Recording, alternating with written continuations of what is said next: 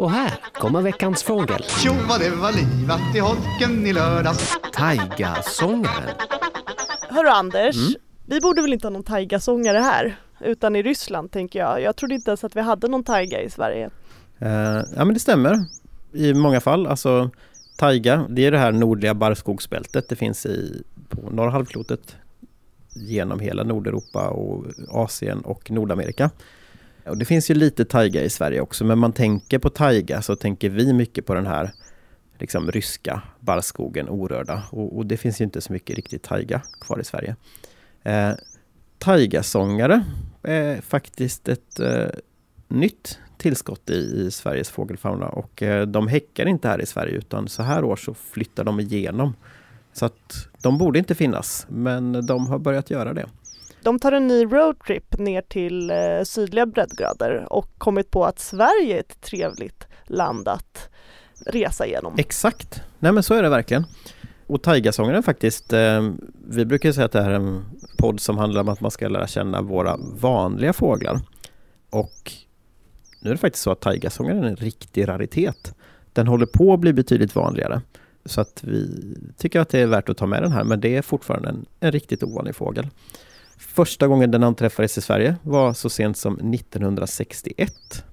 Och eh, nu på senare år då så har den ökat markant. Så att eh, de senaste åren så har det varit hundratals taigasångare i Sverige varje höst. Och det är precis vid den här tiden på åren då som de dyker upp. Hur många taigasångare har du sett hittills i år? Än så länge i år så har jag inte sett någon. Eh, för att det är precis nu som de börjar komma. Så att eh, jag räknar med att eh, de här eh, dagarna nu, den här veckan, så tror jag att de första stora inflödet kommer komma.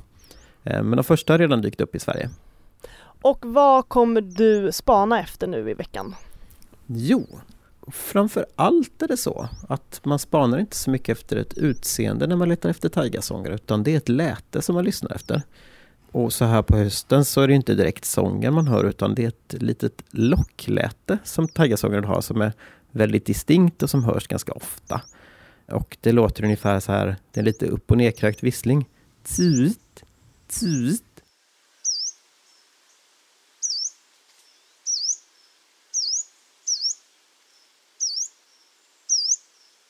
Kommer ifrån salixbuskage eller ifrån träd, bladvegetation eh, som de rastar i då. Och ofta längs med kuster där det är glest mellan dungar och de kanske landar när de precis har flyttat över Östersjön eller så. Eh, men det kan också vara till exempel i, i Malmö då, där jag bor, så dyker de ofta upp i parker och kyrkogårdar där, där staden liksom blir lite som en öken och så kommer ett, ett frodigt område där de slår ner. Åh, vad, vad dystert att tänka staden som en öken och kyrkogården som en oas. Ja, men lite så. Ja, men ur ett visst perspektiv så är det ju så. Ehm, Ja, Så att generellt när det gäller flyttande småfågel så är alltid dungar bra. För att det drar liksom till sig från en större upptagningsyta medan stora skogsområden blir svåra för att där kan fåglarna spridas ut utan de koncentreras mer till dungar och andra saker där med motsvarande effekt. Samma sak med öar, till exempel ute i skärgården. Samlar också upp fågel från ett större område. du skrev till mig i ett sms Mm. Angående nästa fågel så tänker jag Taigasångaren, det är en riktig raritet men den har ökat explosionsartat, Mm. är sjukt snygg och hittas bäst på lätet. Yes. Eh, sjukt snygg! Ja men det är den. Låter ju jätteintressant. Ja men det är den verkligen. Taigasångaren den är släkt med några sångare som vi hade tidigt i den här podden eh, i våras. Så det är gransångare och lövsångare. Och det är såna här små sångare som är rörliga. Så de hoppar liksom runt hela tiden, ofta uppe i trän och i buskar och liknande och letar ständigt efter insekter. Så att de är liksom ständigt i rörelse. Eh, och så har de grönaktig, lite mörkare ovansida och ljus undersida. Det är lite samlande då för alla de här, den sortens sångare då, Philoscopus, som för övrigt betyder lövtittare. Alltså de, de flyger liksom runt och tittar på löv då. Och det gör de för att fånga bladlöss eller små insekter eller annat. Men taigasångaren, den är väldigt distinkt tecknad. Den har ett tydligt, snyggt, ljust streck ovanför ögat och sen har den två stycken distinkta vingband. Eh, Framförallt det bakre är väldigt tydligt. Och sen är den liksom väldigt rent tecknad, alltså det är en oerhört snygg fågel. Grafisk liksom. Grafisk, precis. Mm. Och sen är den så här, den är lite i beteendet då är den lite pigg och livlig. Det är liksom alltid rörelse på den här fågeln. Så det, det är en väldigt speciell känsla. Så oftast så går det till så här när man hittar en taigasångare att man hör det här locklätet. Kanske tar ett tag att varsebli att det är just en taigasångare man hör och så wow! Eh, så, Oj, blir jag det, så, vet inte om jag kommer reagera så. så går pulsen upp eh, liksom och sen Nej. får man spana lite. Eh, Och sen kanske då... Gör den verkligen det? När man hör en... Alltså, om man hittar Ja, som fågelskådare, att hitta en raritet, det är ju ofta det som, som man är ute efter. Eh, Så det är ju, ja, Mm. nej men det är, det är kul. Eh, Det är verkligen Ja, roligt. roligt. Men det är lite så här man har ett objektiv. Så här, eh, just vid den här tiden då, slutet på september och början på oktober också, när taigasångaren är som vanligast. Då kan det vara en sån här art som man är ute och letar efter och den är alltid sällsynt. Så att får man syn på en så är det liksom, då är dagen räddad. Det är det man är ute efter. Okej, du hör lätet, Mm. pulsen går upp. Mm. Vad händer då? Då får man kolla lite eh, och se om man kan få syn på fågeln också. Och det är viktigt när man, för att kunna konstatera att det är en raritet man har sett då, så, så är det också viktigt att man inte bara hör den eh, utan att man även kan se den då så att man, så att man känner att allting liksom stämmer. Eh, så att ganska ofta då så hoppar det fram en, en taigasångare. Eh, de är ganska ofta synliga. Så att då ser man den här snygga, snygga fågeln som hoppar runt och ständigt är i rörelse på sin jakt efter något ätbart. Och så ser man där, snygg fågel, vingband, wow, tänker man. Eh, och så, Man tänker wow. Mm, ja, precis. ganska liten också va? absolut. Alltså en liten för att vara en småfågel till. Ja men verkligen, verkligen så att små och rörliga, det är taigasångarna. Så de är ungefär 10 cm långa. Eh, och det, är- det är riktigt litet. Det är inte många fåglar som är mindre än så.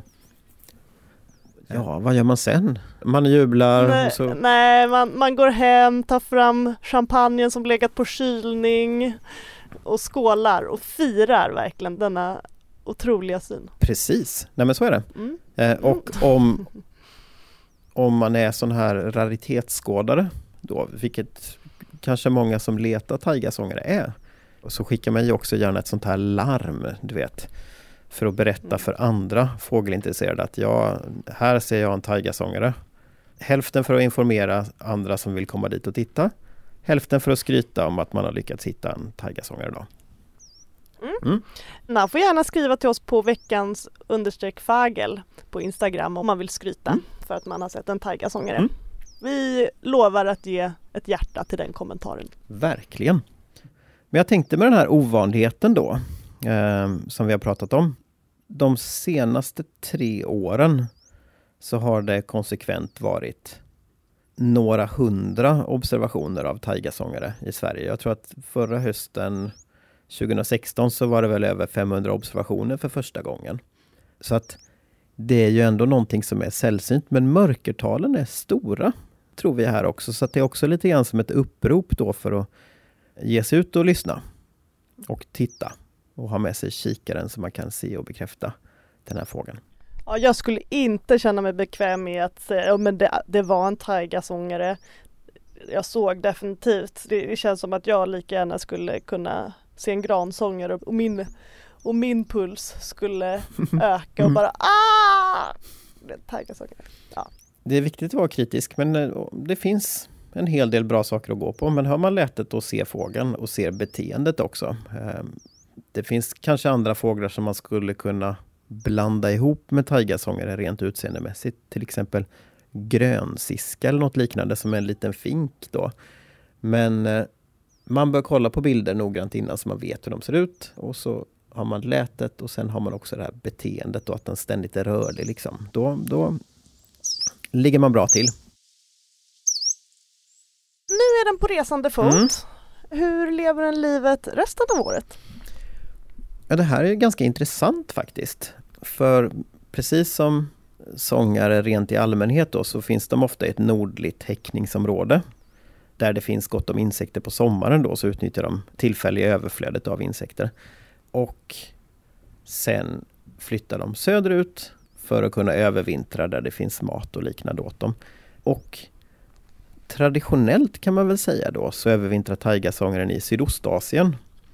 Så att liksom som vi tänker oss taigasångarens flyttning då så är det en, en häckning i norra Asien, en bit in i europeiska Ryssland och sen övervintra i Sydostasien.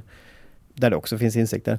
Men de här då som dyker upp i Sverige och i Västeuropa på hösten. De flyger en omväg om man säger så. Ja, de flyger fel och där har man traditionellt då sett det som att det här är ungfåglar och det kan man se då genom ringmärkning så kan man åldersbestämma och det är en absolut majoritet ungfåglar då som dyker upp i Västeuropa. De kanske inte kommer leva så länge då? Nej precis, att de, då har man alltid tänkt att de har något fel på kompassen och eh, är på väg ut i Atlanten där de kommer drunkna.